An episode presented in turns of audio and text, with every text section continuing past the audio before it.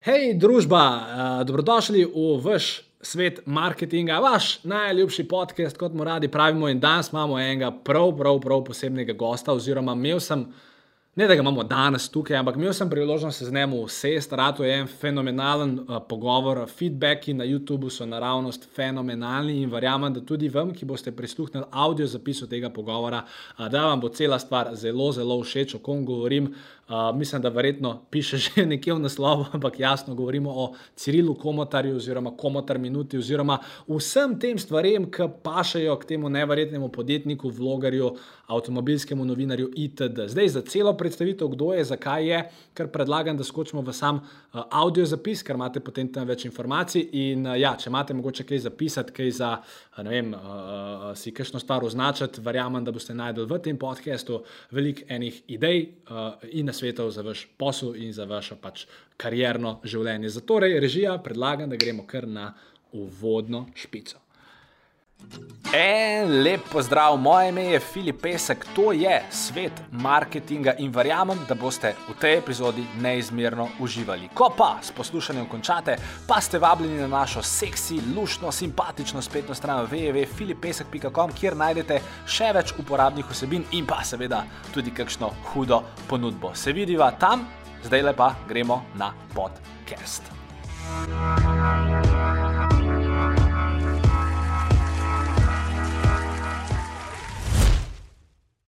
Ej, živijo, uh, veliko veselje in čast mi je, uh, da je danes tukaj z mano uh, Ciril Komotar.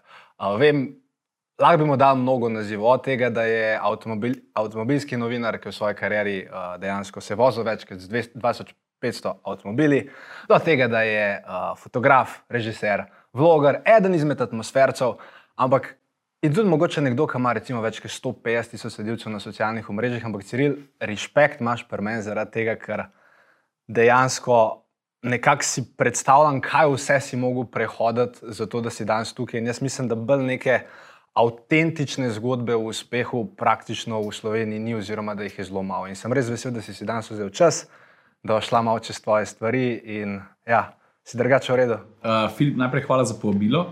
Um, pa hvala za ta kompliment, no, zato ker pač avtentičnost je tista stvar, ki je meni se zdi, da ko stvariš osebino, daleč najbolj pomembna mm. v primerjavi z vsem tistim, ki prideš zraven. Itak. In okay, lahko ti rečemo veliko stvari, ampak če bi ti danes mogel opisati samega sebe, torej kdo, kdo je Ciril danes? Eh, najprej rečem, da sem oče, mož, pa prijatelj, pa družinski član. Ker se mi zdi, da so to, a veš, ki smo govorili o pomembnosti. Ja. Ko stvariš vsebino, moraš biti avtentičen, ampak na koncu dneva je to stvar, v kateri uživam in se z njo preživljam, ampak s tem si omogočam, da lahko živim tudi, mislim, normalno življenje kot oče, mož, uh, družinski član, prijatelj. To so tiste stvari, ki so, po mojem mnenju, uh, kljub temu, da si včasih niti ne znam dovolj časa za to vzeti, vse narangirajo, delač na vrh, pa pa pride vse ostalo. Tako da to sem najprej, pa sem pa vse, kar pač sem do zdaj počel. Ne? Čeprav sem zdaj, ne vem, štiri leta vloger, si še vedno mislim, da sem v, svoji, v svojem bistvu, ki pride do, do bom rekel, avtomobilizma, da sem avtomobilistični novinar. Sam da zdaj pač le, jaz malo drugače povem stvari. Veš, kaj, ne vem, da imamo vzeti eno, eno tako resno publikacijo, da imamo recimo vzeti delo na kolesih, tudi piše ja. o avtomobilih in tako naprej. Se jaz v goli osnovi nič drugače ali pa povem enake informacije. Sam da jih mogoče malo drugače povem na malo sproščen način, pa da zraven dodam, ne vem, še malo humorja. Pa, pa, pa heca, ki se mi zdi, da je nujno potreben, pa tudi približno ni škodljiv. Se mi zdi, no. jaz tako vidim vsebino. No. Se je taka, mislim pa dejansko tudi. Kot si enkrat že rekel, tisti, ki so jim avtomobili blizu, se najdejo noter, pa tudi tisti, ki jim mogoče avtomobili niso blizu, ja. se lahko v bistvu s tvojim sporočilom nekako ja. najdejo noter. Točno tako. To je, se, veš, to je po eni strani to fully velik izziv. Zato, ker jaz se dobro zavedam, da me spremljajo tudi, um, bom rekel, sledilci, ki o avtomobilih vedo ogromno. Jaz sem prepričan, da me spremlja veliko ljudi, ki o avtomobilih ve še veliko več kot jaz. Ker imaš vem, posameznike, ki so ljubitelji vem, samo ene znamke, Opla ali Mitsubishi. In če bom jaz tisto avto testiral, nikoli ne bom vedel to kot oni, ker oni so liferi, veš, Honda for life. Pa stari ni šans, da jaz dosežem to raven znanja. In jaz moram s tem svojim videom, ali pa vse tako si mislim, zadovoljiti ljudi, ki so hardcore fani, Še bolj sem pa vesel, če sram pretegnem tudi tiste, ki me načeloma za avto vse en. Ali pa pač to, da vedo, kaj vozijo, pa da vedo, kaj neko avto sodobno mora imeti.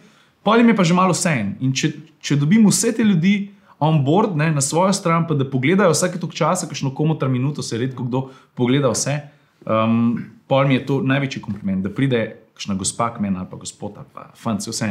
Ej, meni avto, meni vse za avto. Ampak tvoje pa pogledam, ker pa se mi zdi, da malo drugače poveš. Ali pa mož spremlja, ki je on hardcore fan, zdaj pa še jaz gledam. To je, to je najboljša stvar, ki jo sploh lahko slišiš od nekoga, ne? ker vsebina, sveš vsebina si jemliš k srcu. Ne? To je Ciril danes. Uh, če ja. gremo recimo nazaj v osnovnošolska leta. Kaj se, kaj, se, kaj se ti je takrat uh, dogajalo v glavi, kaj si želel postati, o čem si sanjal? Ja, Damon Hill. Ne. Ne, jaz, sem, jaz, nisem, jaz nisem vedel, kaj si želim. Mislim, okay dolg časa nisem vedel. Jaz sem, jaz sem bil en tak čist navaden butla, veš.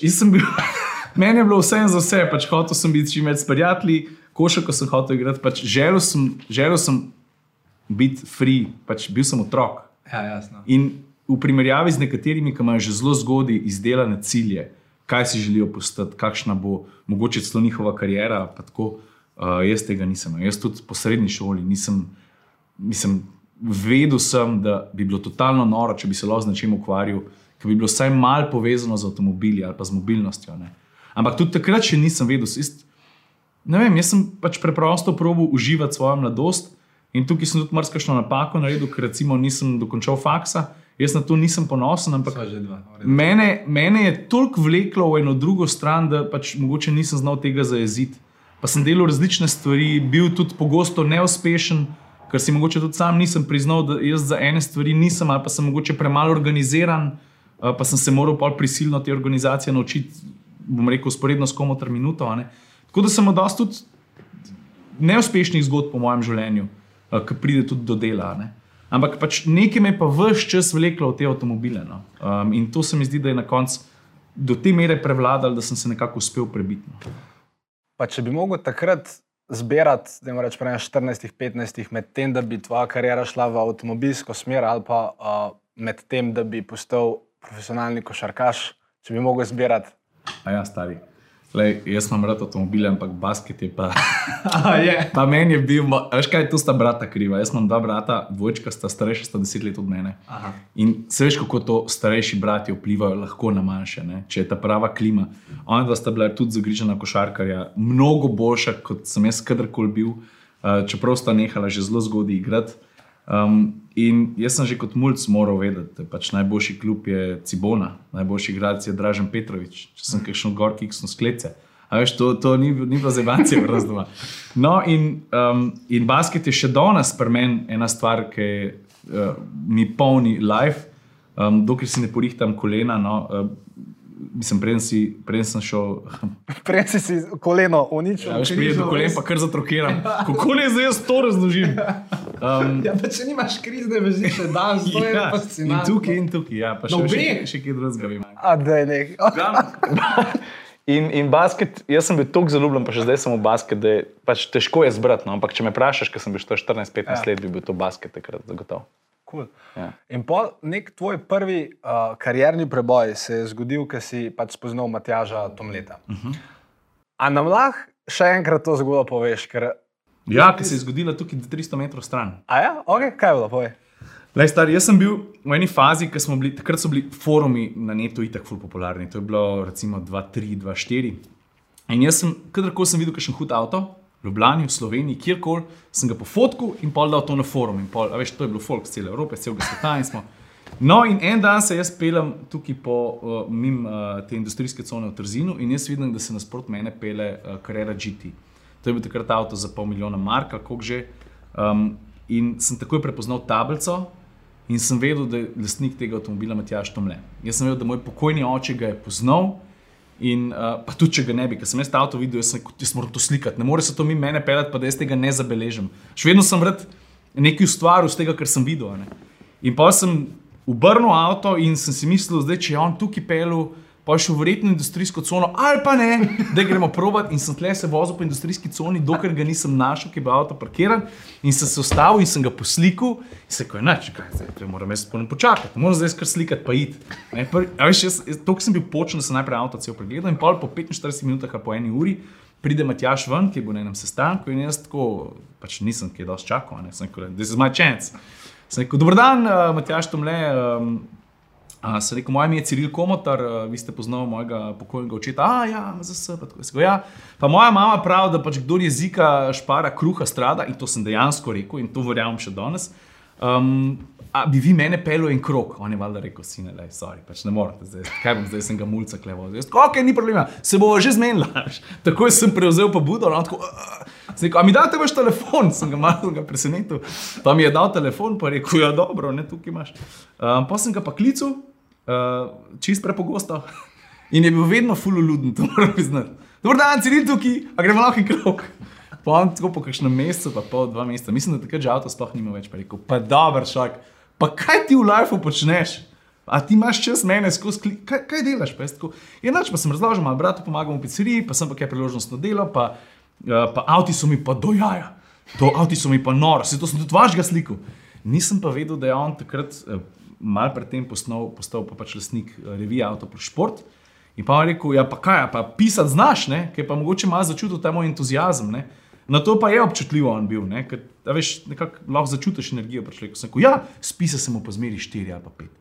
On rekel, pa skršen avto že pel, sem rekel, uh, veš, da sem, ker pač jaz pa nisem čakal, da, veš, jaz sem hotel avto voziti imel sem svoj avto, ampak veš, da je vse drugo je boljše, kot tvoj avto v tistem trenutku. In sem kar hodil od, od enega do drugega avtomobilskega dealerja in sem se delal, da sem pač kupec in če mi ga dajo zapeljati. In zato sem rekel, seveda sem vozil, sem mu napisal en tekst uh, in še zdaj se spomnim, to sem že večkrat povedal zgodbo, ampak meni gre še danes kot cene po koncu. V torek zjutraj, v pol osmih ali pa pol devetih sem mu poslal mail z besedilom. Um, In čez dve uri sem dobil nazaj mail, naslednjo sredo te v naši pisarni čaka novi Mercedes A. Jaz sem rabo ne dve sekunde, če kaj. Zdaj mi gre, kot si ne po koncu. In sem začel laufati po zgornjem štuku v bajti in sem se drl. Um, in pa pride mama gor, civilka je in skrče.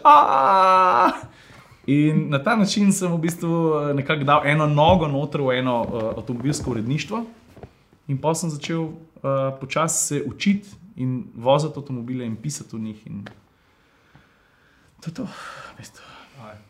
Tle, ne, sam, me, jaz sem to že ene trikrat poslušal, pa zdaj, ki si četrtič povedal, meni men je to še kar fascinantno. A, mislim, moje vprašanje tukaj se bolj veže na nadaljevanje. Ti si potem pri temu Matjažu oziroma pri njih si delal dve leti za ston. Ja, mislim, ne bom rekel, da sem delal za ston. Ampak skoraj za ston. Ja, ni, mislim, ne bi se mogel od tega preživljati. Okay. To je bilo, če zdaj rečem, mogoče sem delal za. 200 evrov na mesec. Okay. Ker, v bistvu, moje vprašanje je naslednje. Recimo, če bi jaz vem, predlagal ali pa rekel, hej, kdo hoče biti le prvom zaposlen, le se dve leti ste delali tako za 200 evrov ali pa kaj tasga za nek minimalen znesek. Pač večina ljudi danes, mladih ali pa kogarkoli, načeloma rekli, čakaj, a si zmešan. Ali pa če oni ne bi starši poklicali, čakaj, a si zmešan. Ali pa če oni ne bi ja, inšpektor ja. vprašal, ja, okay, kaj ja. si zmešan. Pa kaj je tebe, kaj je tebe v bistvu dve leti gnal, da si ti v bistvu tam ustrajal? Kaj, kaj... Stari, to, je bila, to je bila čista želja in entuzijazem. Sej, a veš, če si rekel, da bi te fuk poklical, pa si ti normalen, ne ja. moš ti. Ne? A veš, vse po eni strani je to res, ja. po drugi strani pa jaz sem si toliko želel to delati, da sem bil pripravljen delati, tudi če mi ne bi nič plačal. Jaz sem se hotel samo učiti, jaz sem hotel biti v stiku z najnovejšimi avtomobili, s tehnologijo, ki jih spremlja. Eh, prvič sem imel priložnost držati v roki eh, profesionalen fotoaparat. Prvič sem imel priložnost reči, da jaz grem pa zdaj na en fotošut, pa bom probil avto čim boš poslikati. Bože, stari, kako sem jaz to slikal, to je bilo grozno. Ampak to so začetki in jaz sem, jaz sem ob tem, se nisem bil tam 24-7, ampak jaz sem ogromen svojega časa za to dal in jaz sem pač sem razumel, da lej, to je moj one and only chance. Jaz sem tako videl. In da pač, če jaz hočem tukaj nekaj narediti, pa se nekaj naučiti, bom drugje noter prenesel čas, pa denar, oziroma bom zaslužil to, da bom lahko tukaj sledil svojim sanjam. Ne. Na en način to ni prav, jaz nobenega ne bi spodbujal k temu, ne. po drugi strani pa, če imaš možnost nekje drugje bom rekel, zaslužiti dovolj, da se ti s tem preživljaš, pa da podpiraš sam sebe, da nisi samo breme nekomu, um, pa da obenem lahko črpaš znanje od novinarskih kolegov in si v stiku s tem, kar ti je bilo vedno dojaja, je pismo, nisem zagrabil to priložnost. No? Tako, veš, Ja, ne, ne, ja. Za me je bil to totalen privilegij. Meni je jasen. In meni še Ja. danes to privilegij. Ja, ja. Pa folk doskrat reče, pa kako ti stari kapeleš. Ne vem, en dan se pa iz Porsche pa sedeš v Dačo ali pa v enega Citroena za 11.000 evrov, meni je to še vedno full dobro. Veš, in še danes si mislim, včasih dan sam sebe prijeleti ček, stari, a ti veš, da avtomobilska znamka de, da tebi avto, zato da se ti voziš, pa da pol ti napišeš, pa posnameš, kaj ti misliš o tem. To, to je meni še zdaj tako koncept, ki mi je glih tako nor, kot 15 let nazaj. A? Ore, in, pa, in pa si v bistvu tam nekako prišel na Sijol, če se prav spomnim. Ja, draftal sem. Dra, Drafta se na Sijol in, in pa si tam delal, seveda, verjetno spet kot norc, Ja. montiral sliko itd. Ja. In pa enega dneva se ti odločiš, da bo začel z vlogom. Torej, to je una zgodba, ki sem imel zanimiv lifestyle, pa potem malo sta ti Tina, Tina te spodbujala, rok te spodbujal, vsi ostali itd. Ampak kar mene tle zanima je, pač slišal sem, da si baje posnel prvih pet vlogov. Ampak da jih nisi dal takoj ven. Ja, mislim, se ta zamik ni bil full. Ne. A, Ta- ni bil full? Ta zamik je bil en teden, Aha, ok. pet ali pa štiri, mislim, da so bili. In pa sem si, ja, ker nisem sploh vedel, kaj naj zdaj s tem. Až ker sem si mislil, ok, jaz sem zdaj naredil en tak dnevnik mojega dneva, mislim, nisem mislil, a bi, da bi to mogoče kdo sploh hotel videti. Meni je bilo tako fajn, ker sem ga pokazal ženi. Zase v bistvu. Ja, jaz, ja. mislim, ženi sem pokazal prijateljem, pa tako je ful dobro, kaj pa če bi to objavil, sem rekel, da se lahko pa probamo. ne." Se ni bil zdaj to čist vesoljska ideja, da bi jaz to objavil, ne? Ampak ni bil to ni, bila, ni bil moj primarni cilj. Ne? Moj primarni cilj je bil pač, da vidim, če jaz sem sploh sposoben nekaj tazga narediti. ne. Jaz sem od takrat še v mislih Siol, uh, Automoto, kjer sem delal 11 let, sem želel nekako narediti eno stvar, ki bi spremljala moje pač drugačno novinarsko delo. ne. In, in, in ideja je bila itak taka, da dejansko bi bilo najprej samo minuta, ne pa že pri prvi sem se zlagal, Ja. ker je ne vem, minuta 12 ali 17. In sem želel samo take čist kratke, tako kot je ta prvi vlog sestavljen, narediti in kaj pa jaz vem. V bistvu me je bolj gnal to, da sem hotel nekaj ustvariti. A, ne ne, ne to, da distributiraš, ampak ne. pač to, da, ust, da, da ustvariš. Ja, in pa sem rekel, zdaj pa sem štir naredil, pa da jim to gordo. Mm. Pa se je pa kar naenkrat začel. Veš, Folko je bilo, cest nisem ta prvi vloger v Sloveniji, tudi približne, pa tudi najuspešnejši nisem po številu sledilcev ali pa tako naprej. Ne? Ampak, um, in pa, pa Folk je pa takoj, no, jim je, jim je bilo kul, cool, ker prvič tega na naših uh, tleh v, v povezavi z avtomobilizmom še ni bilo. Um, ne vem, stari, pa, pa niti ne vem, kaj se je zgodilo. Od takrat je pa sam še tako blur, a veš, tako. Okay. Klej je en full velik val, zdaj ga za surfi, itak ne znaš surfati. Ja. Ampak malo probi, pa pa videli. Zdaj sem še vedno tam, ko pa zdaj bomo pa, da, kje je ta val, še vedno je tukaj, še surfam. In, in, ker jaz, sem po, jaz sem recimo šel, uh, mislim, ni- nisem seveda vseh pogledal, ampak nekatere sem šel pogledati. In recimo jaz sem videl kot ljubiteljski režiser, pa da ker vsaj malo vemo o vsebinah. Recimo jaz vidim zelo lepo progresijo pač flova vseh vlogov, recimo od ena. Pa pol, 35 je bil že kar lep, pa, pol, ne, ved, pa, pa vedno, ka, vedno bolj, ko greš naprej, pač je to res poezija, tako za, za pogled. In kaj še imaš, pa ti občutek, da une svoje prve vloge pogledaš? Um, pravzaprav vsakeč, ko gledam prve vloge, ker doskrat grem pogledat enko, dvojko ali pa trojko, samo zato, da, da vidiš, kako je bilo. Um, po eni strani občudujem sam sebe, zato da sem sploh šel na to, ker pač vidim, da je bila res, mislim, neizdelano je bilo. Ne? Po drugi strani pa.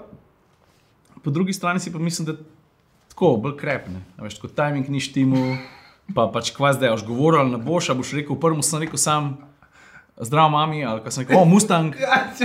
In pol ta mala na koncu pride do mene uh, in reče, a ti ali nekaj takega. In to je bilo vse, ker jaz dejansko nisem namena govoriti. A nisi imel namena? Ne, jaz sem. Pa kljub temu, da sem imel izkušnje s kamero, pa vse že odprl. Ja, ja, ja, jaz sem itek bil full pred kamero, pa za kamero. In sem vedel, da to znam. Sam pač, jaz sem dejansko hotel, da je vlog spremlja moje stvari na Siolu, da tam dobiš ta pravi kontent. To je pa tako malo za zraven, tako en cukrček. A veš, pa pa sem nekako sem videl, da več govorim, bolj je folku všeč. Da so se nekako začeli um, loviti tudi na, vem, na mojo osebnost, pa na smisel za humor. Um, in to je to, stari. Pa, pa, in, in zdaj, ko vidim te ta stare vloge, tako, dam si imaginarni high five, da sem se sploh spravil, ker se znamo čist premakati, pohvaliti. a ne. Um, po drugi strani pa, oh, šit, kako nisi tega videl. Pa to še zdaj, pri vseh vlogih, ki jih gledam, ne? Uh, vidiš stvari, ki bi jih lahko izboljšal. Pa tako. Ostala pa je evolucija, stari. Več stvari delaš, mm. večkrat jo narediš, boljši si. Cool.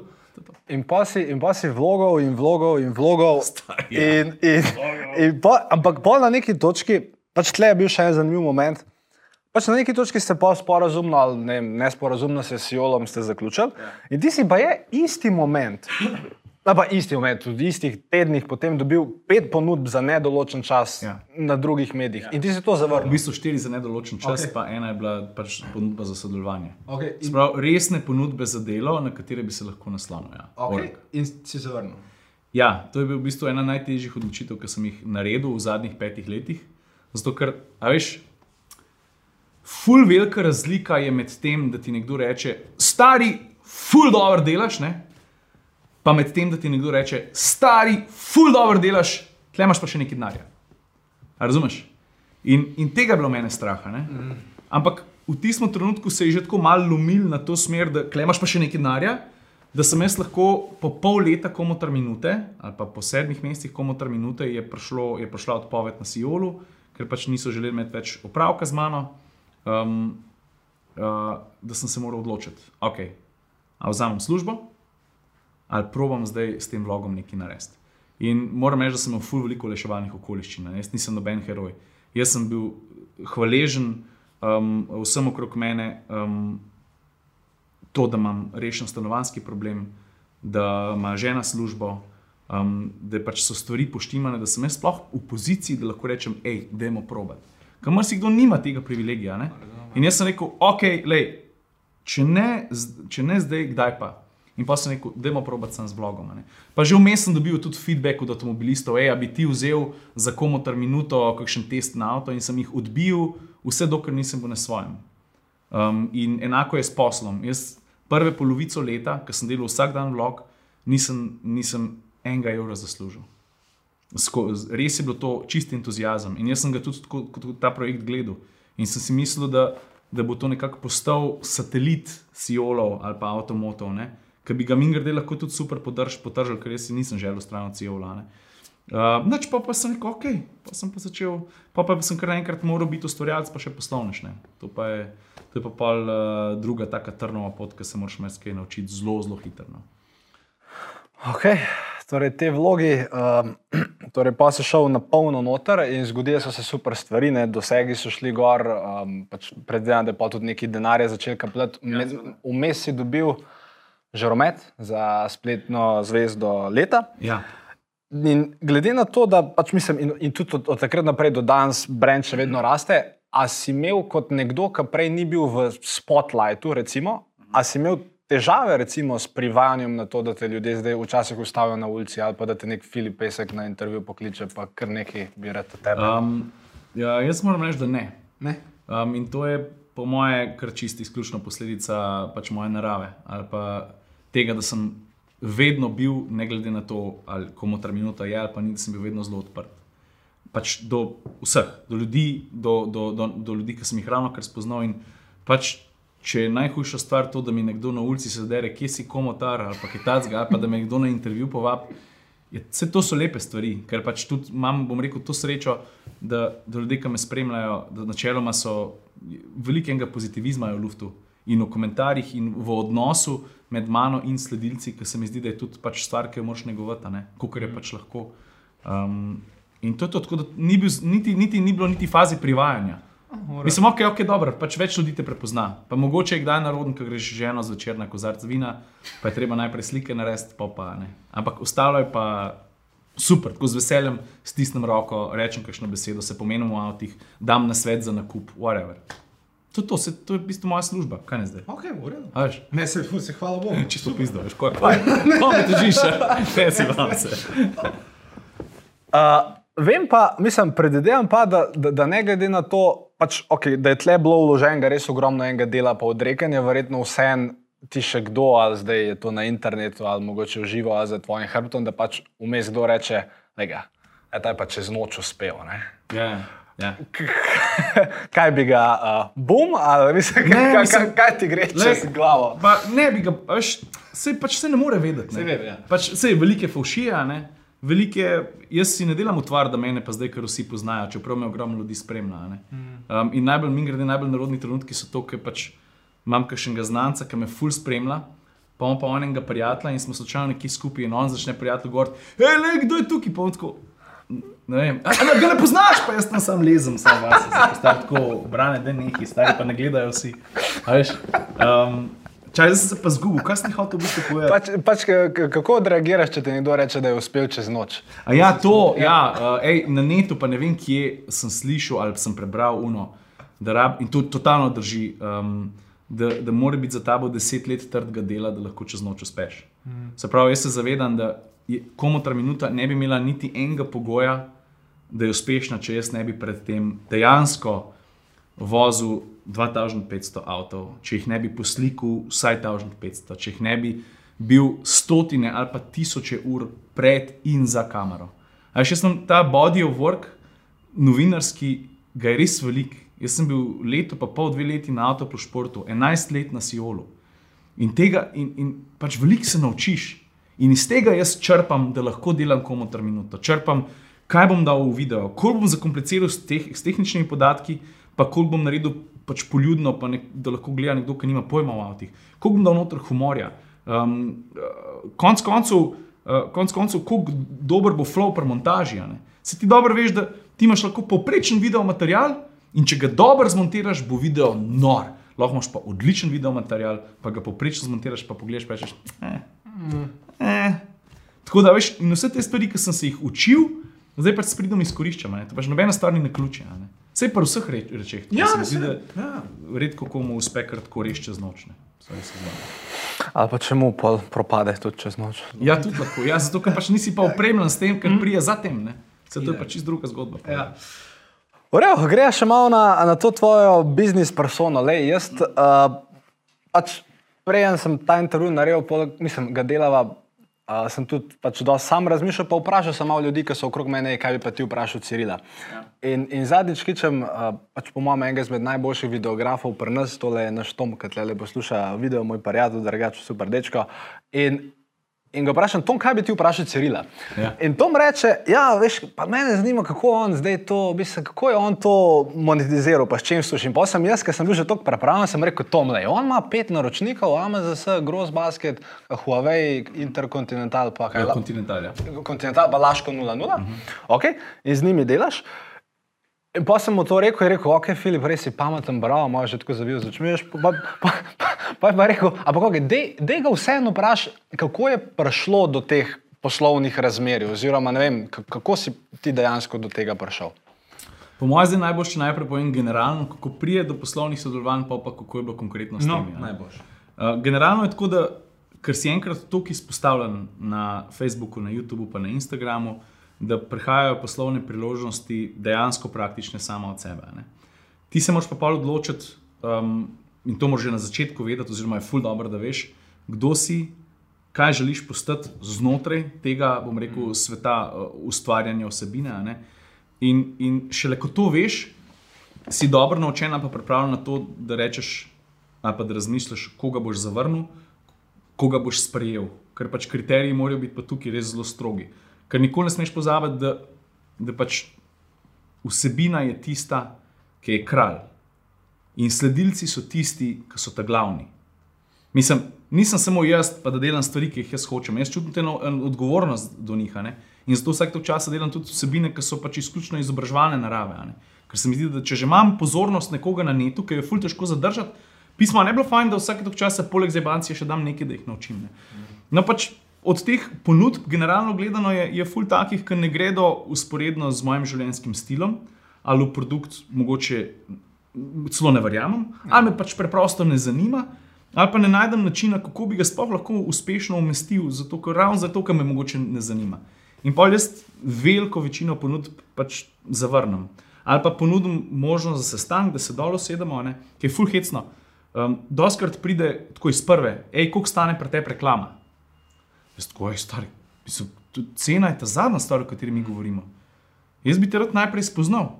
kaj pa ponujaš, aha, ta produkt. Ej, jaz sem pa, pa ej, če sem jaz nekaj tazga že kdaj uporabljal, pa me mogoče zanima, ali pa bi spet rad, pa želja že obstaja, pa da že poznam produkt. Ne?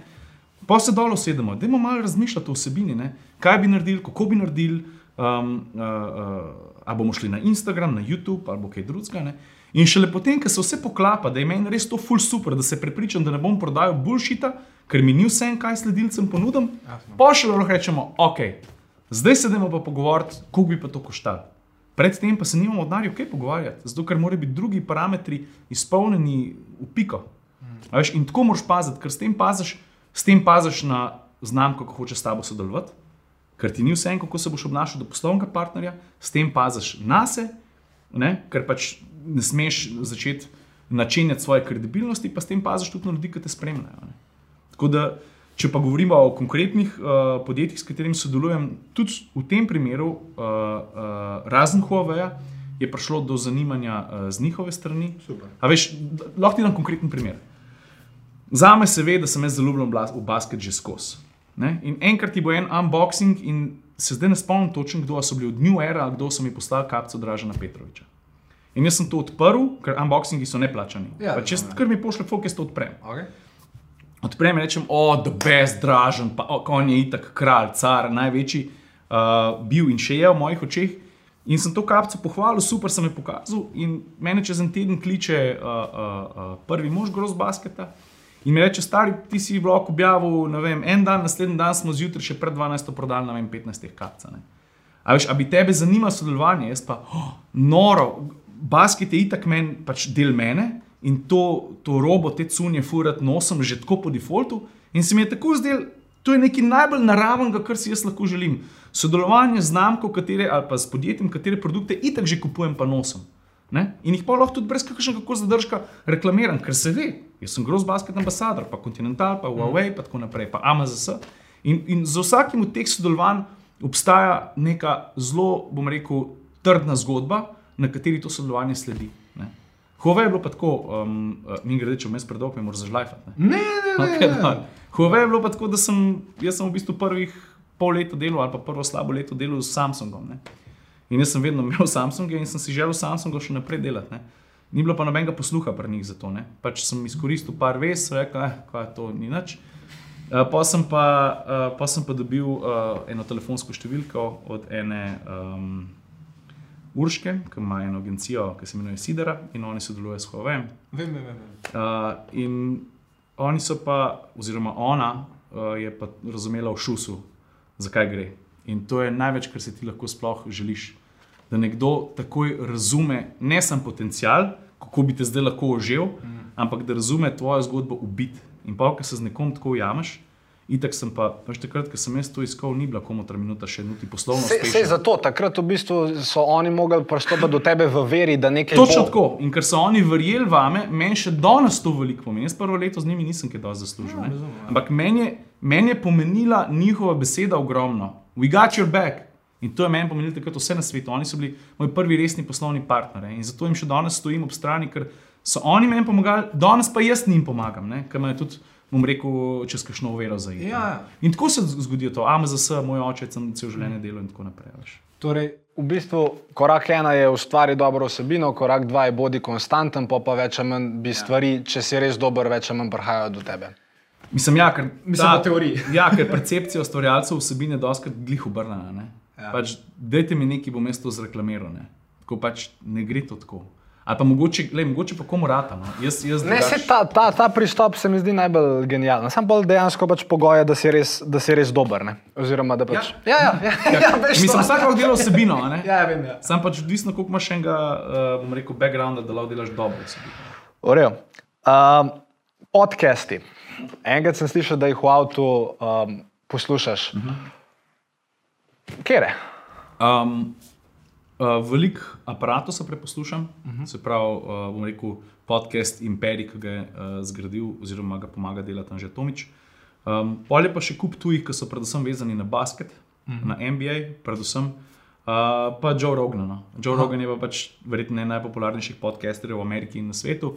Mi je pa všeč zato, ker res lahko pri njemu poslušaš najpametnejše, pa najuspešnejše ljudi iz vseh vrst. Mislim, posod, od, od UFC fighterjev do stand-up komikov, do najem astronautov, uh, CIA agentov, pač ni da ni, umetnikov, glasbenikov. Uh, veš, in se mi zdi, da, da je to nekaj, kar meni zelo veliko da. Jaz sem v zadnjih šestih, sedmih letih, odkar poslušam podcaste, se mi zdi, da, vem, da sem se. Fus sem se spremenil kot človek, mm. način razmišljanja. Vse ti mora nekaj ostati, če poslušaš deset tažn turne česa, ja. če ne pobereš eno pikico, pa si. Si res moto. Pa imaš žuto minuto, že deset let, stati, bi se morala že včasih nehati. Tako da to, pač rad gledam, uh, spremljam vsebino, ki mi, ki mi nekaj da, da ni samo prazna, da me izobražuje na način. Um, zdaj, uh, recimo moja ekipa, oziroma moji zaposleni so me vprašali, oziroma eno izmed njihovih vprašanj je bilo. Kaj je zdaj naslednja stvar za komotarja, za komotar minuto? Ja, škaj, jaz pravim, da naslednja stvar je še vedno uh, vlog, Aha. ker mi je še vedno noro ustvarjati vlog, ful uživam v tem. Pač, le, če sem čisto iskren, jaz se, jaz se ful veselim, mi dva zaključva, mm. pa imam še nekaj avtomobilske logistike, še en sestank, potem pičem v Maribor po tam malo, frizerju, je tam tudi žena, um, in pa greva domov, uh, in ko se zvečer, danes vse zaključi se fulj veselim, da bom šel montirati naslednji blok. In dokler meni ta veselje ostaja, da jaz se veselim, da zagledam 180 klipov, pa da je nekako to približen posnet, pa da mar rečem in da jih zdaj skupaj vržem. In da se veselim trenutka, ko bo rafkat, pa bo 17 minut, pa si bom vzel pol ure za kavo, ali pa bom skočil na Instagram, ali pa bom šel ne vem, prebrati nekaj, pa da bom pol nazaj prišel, pa bom šel rezati stran, da bom prišel do končne oblike. Dokler mene to veseli, bom jaz ta vlog ustvarjal. Um, ko ga pa enkrat ne bom več, ker verjetno ne bom vlogil do 60, bi bilo pa fajn, da si postavim nek, uh, bom rekel, rezerven načrt, ker, ker se mi zdi, da do, te trenut, do tega trenutka bo enkrat prišlo. In tudi zato sem v bistvu glihen mesec nazaj ustanovil oziroma ustvaril skupaj z, uh, z mojo pravnico in zdaj partnerko v podjetju, z Majo Jenstrle, mm. sva uh, naredila oziroma ustvarila komotar kreativo. Wow. Komotar Kreativa je pa v bistvu uh, podjetje, kjer bom poskušal poslovnim partnerjem ponuditi to, kar znam. To se pravi, osredotočil se bom na video produkcijo. Um, ali boš prišel do mene samo po idejo, ali po končni izdelek, ali pa vse plasti, ki še pridejo vmes, da se to zgodi. Um, ustvaril se bom uh, z svetovanjem, predvsem pa z izobraževanjem okrog socialnih uh, medijev, okrog Instagrama tudi. Ker se mi zdi, da je prvič ogromno ustvarjalcev vsebin, ki bi rabili čist mal, da bi šli še malo pravo smer, ker se mi zdi, da doskrat ustvarjalcem vsebin manjka tega, kar imam jaz pa ravno zaradi tega, kar sem prej delal v izobilju, razmišljati o vsebini. Tako ti bom rekel, ko sem začel v avtih pisati, sem hotel kar vsak avto med stožce pognati. Pa kaj ima zdaj veze, kako hitro gre na noje spas po, po, po, po, po pisti? Pa to nobenega ne zanima, ti mi povej, koliko imamo odlagališč, pa kako se da sedeže prilagoditi. Ne? In se mi zdi, da daskrat ljudje ne znajo dovolj dobro razmišljati o vsebini in bi lahko z malimi popravki tako šla na čist drugo raven. Po drugi strani imaš pa ti podjetja, ki delajo uh, z ustvarjalci vsebin. In včasih niti ne vejo, kaj, kaj, česa ne smejo od ustvarjalca pričakovati, kakšno navodila mu dati, kaj pa morajo pričakovati. In izobraževanje v tej sferi pač me ful zanima. No? Ker pač Um, no, po vsakem primeru bi pa lahko bil ustal nekako v stiku s tem ustvarjalnim procesom. Um, tako da to je, malo si pripravljam teren, no? ker ne bi rad komu ta minuto pel, dokler lahko, mm. pa bo pa en dan konc, ker mogoče bom pa jaz mal preutrujen ali pa bom imel, ne vem. Uh, večje zadožitve, ki je druge, konec koncev doma, bom želel več časa z družino preživeti, da bom mogel pa z nule nekje druge začeti. Pač jaz smatram, da moje ime v tem trenutku to, kar sem že realen, je veliko vredno, ravno zaradi izkušenj in znanja na področju ustvarjanja vsebin.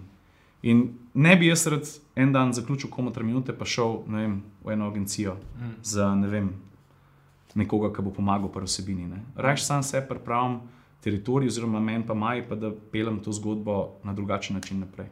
Nekako svetovanje na to mi je. Okay. Torej, če zdaj narediva pič. Yeah. Ja. Torej, če je nekdo, ki to gleda, ustvarjalec oziroma ustvarjalec vsebine, ali pa če je nekdo, ki je v stiku z influencerji, ali pa nekdo, ki bi rad nek ja, svoj, svoj brand pač upel na next level, lahko v bistvu se na te obrne, oziroma na, kako se reče, na komotar. Komotar kreativa. Na komotar kreativa. Se, se, to zdaj, že- nisem nameraval. Ne, ampak zdaj- ma dej, dej, jaz sem Okej. prodajalec, zdaj v redu. meni No, je cool. super, pol je, pol je v bistvu edina stvar, ki jo moraš vedeti, je uh, mail, ki je info, afna komotarkreativa.si. A že mesta naredil? Pa vizitke tudi. ne, uh, res, uh, v bistvu uh, podjetje je up and running um, in uh. Pravzaprav se že dogaja, imamo nekaj potencialnih poslovnih partnerjev in ravno zdaj se menimo za preliminarne oziroma osnovne uh, prve sestanke. Um, in to je to. Moram pa pač zelo previdno v to zgodbo stopiti, zato ker moj primarni fokus uh, v tem trenutku je še vedno komutar minuta, pa atmosferci. Ne? Tega tudi ne smemo pozabiti, ker tam se pa tudi prihaja do enega premika, ker atmosferci smo do zdaj ustvarjali vsebino. Vem, enkrat na dva meseca sem pa kaj, kakšen izobraževalen, kakšen zabaven klip s Triglavom sodelujemo. Uh, zdaj bomo pa nekako se probali preusmeriti, da bomo postali malo bolj resni, če ne že kar oren, resen avtomobilski medij. ne. Tako da veš, moram zelo paziti, koliko energije, energije čemu posvetim, ampak in the long run, to se pravi na koncu, bo komotar kreativa nekaj, kar bo postalo, um, oziroma že postaja vse večji del uh, mene. Torej, ne bo več vloga vsak dan. Ja, ja, to, ja. to je že nekaj časa. si. Oj, lej, za konec, jaz tej sekciji rečem uh, rapid fire vprašanja. Okay. Uh, pač butanuno, kar ti prvo pade na, na pamet. Prav. Na kateri projekt v svoji karieri si najbolj ponosen in zakaj? Uh, zdaj ne moreš družini reči projekt, ne? ampak če so, to je pač nad vsem. Uh, pa mogoče na projekt Ciril Komotar, da pač probam živeti tako, da sem, uh, da sem v redu človek. Pa, pa da nekako probam biti to, kar so me probali starši naučiti, da ne bom. To je meni delež najbolj pomemben. Da sem, da sem v redu, da nisem, mislim, ne vem, če lahko rečem pizda. Ne? Ampak, a veš, doskrat se zgodi, da imaš v lifeu prepreke, pa kdo pride, pa ti želi, ne bom rekel zlo, ne? ampak nekdo, ki pač ne, mogoče boš, da ga ne bi bilo na tvoji poti. Ne? In takrat se pač vedno pravim spomnim, da bod boljši od drugih, ne glede na to, veš, kaj se dogaja. To pol pa sem ponosen na komotar minuto, ne? pa na to, da sem uspel iz stvari, ki me noro veseli, ustvariti um, en brand, um, od katerega lahko živim. In na to sem v bistvu najbolj ponosen. No. Pa da sem sposoben reči ne. To je pa druga stvar, ker, ker vse prevečkrat je ogromno enih ponudb, ki so um, mamljive, pa privlačne, in je težko reči ne, ker pač vsak denar je nekaj vredno. Ne. Jaz sem pa pač si postavil neka merila in od njih ne odstopam trmasto, in pa se pač govori, da je komotar drag, in res je tako, ampak jaz sem drag zato, ker cenim svojo vsebino in svoje delo. In na to sem tudi ful ponosen. No. Fajn. Če bi v naslednjih petih letih ne, nekdo določil zakon, da lahko Ciril Komatar uporablja samo še eno socialno mrežo za promocijo svojih vsebin, kaj bi šel? Z YouTubeom, s Facebookom, ali z Instagramom? Um, Eno. Facebook avtomatsko odpade. Ja. Okej. Jaz mislim, da bi šel.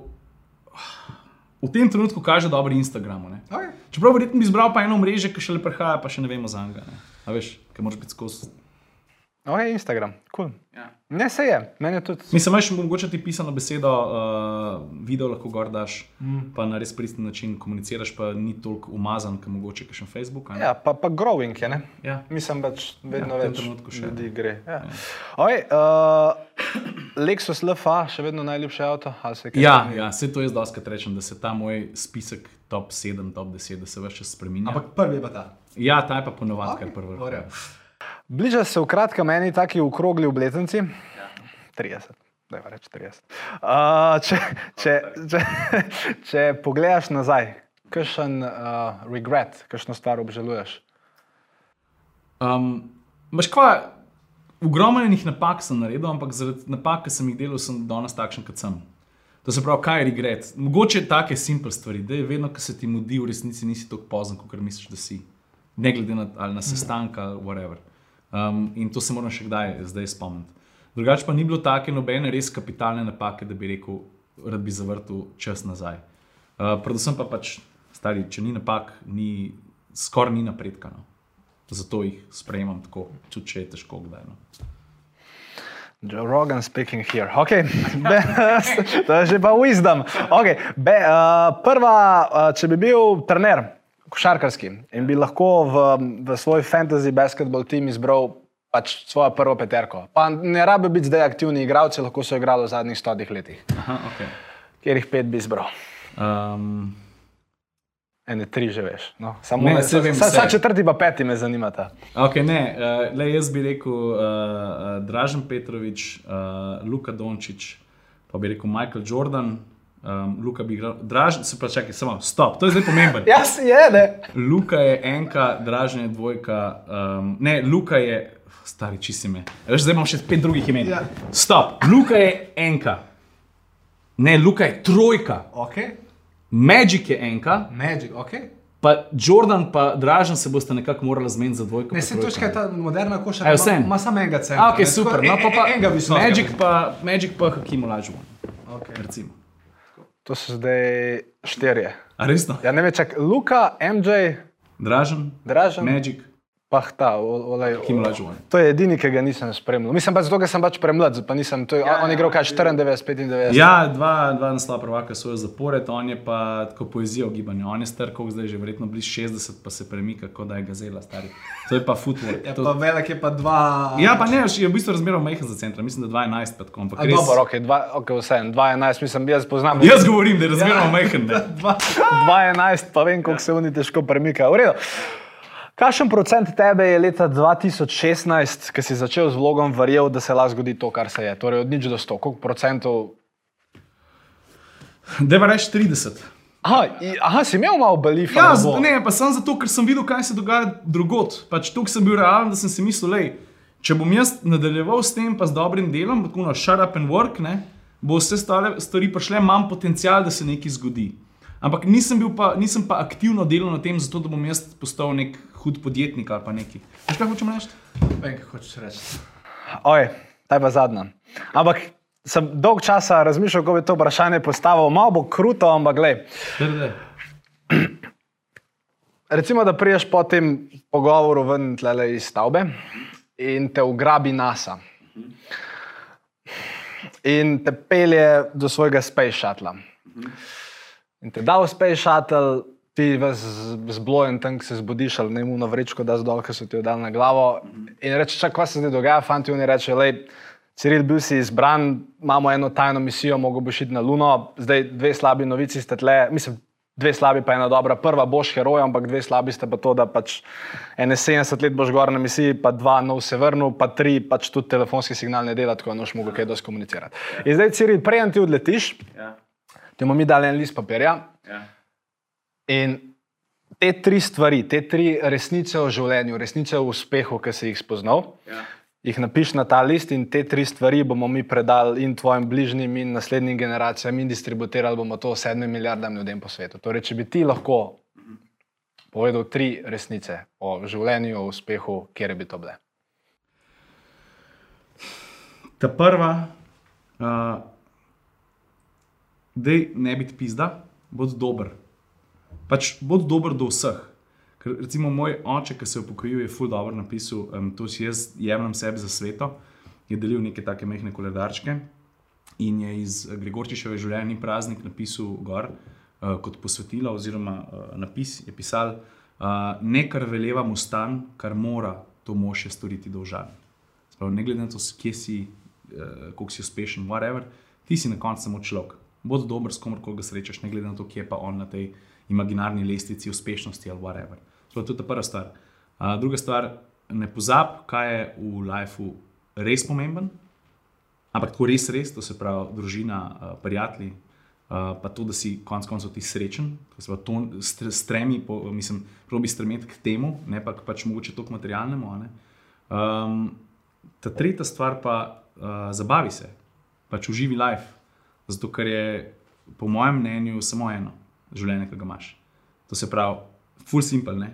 Bod obkrožen z ljudmi, ki jih imaš rad, pa ceni to, zavedi se vsakega trenutka, ne biti pizdo, probi uživati. To je to. E, me je veselil. Ja, meni tudi film. A, Pa, dej, uh, če slučajno Cirila še ne sedite, kaj si, uh, povsod si komotar minuta, verjetno. Uh, ja, razen na Twitterju, ki pa ni na noben način povezan s komotor minuto. To je pa tako. Maj, Evo, be, basket. ja, eh, tam je pa sam, tam Aha. je pa sam basket, pa tako, veš, vse malo hecen, ampak je tam ni, ni navezave. Cool. Vrejo, lej, pa ja nekaj pojest, pa, To, jaz sem za. pa se vidimo. Pa hvala za povabilo, res je. Meni je bilo fajn. Je bilo te fajn? Meni pa fajn.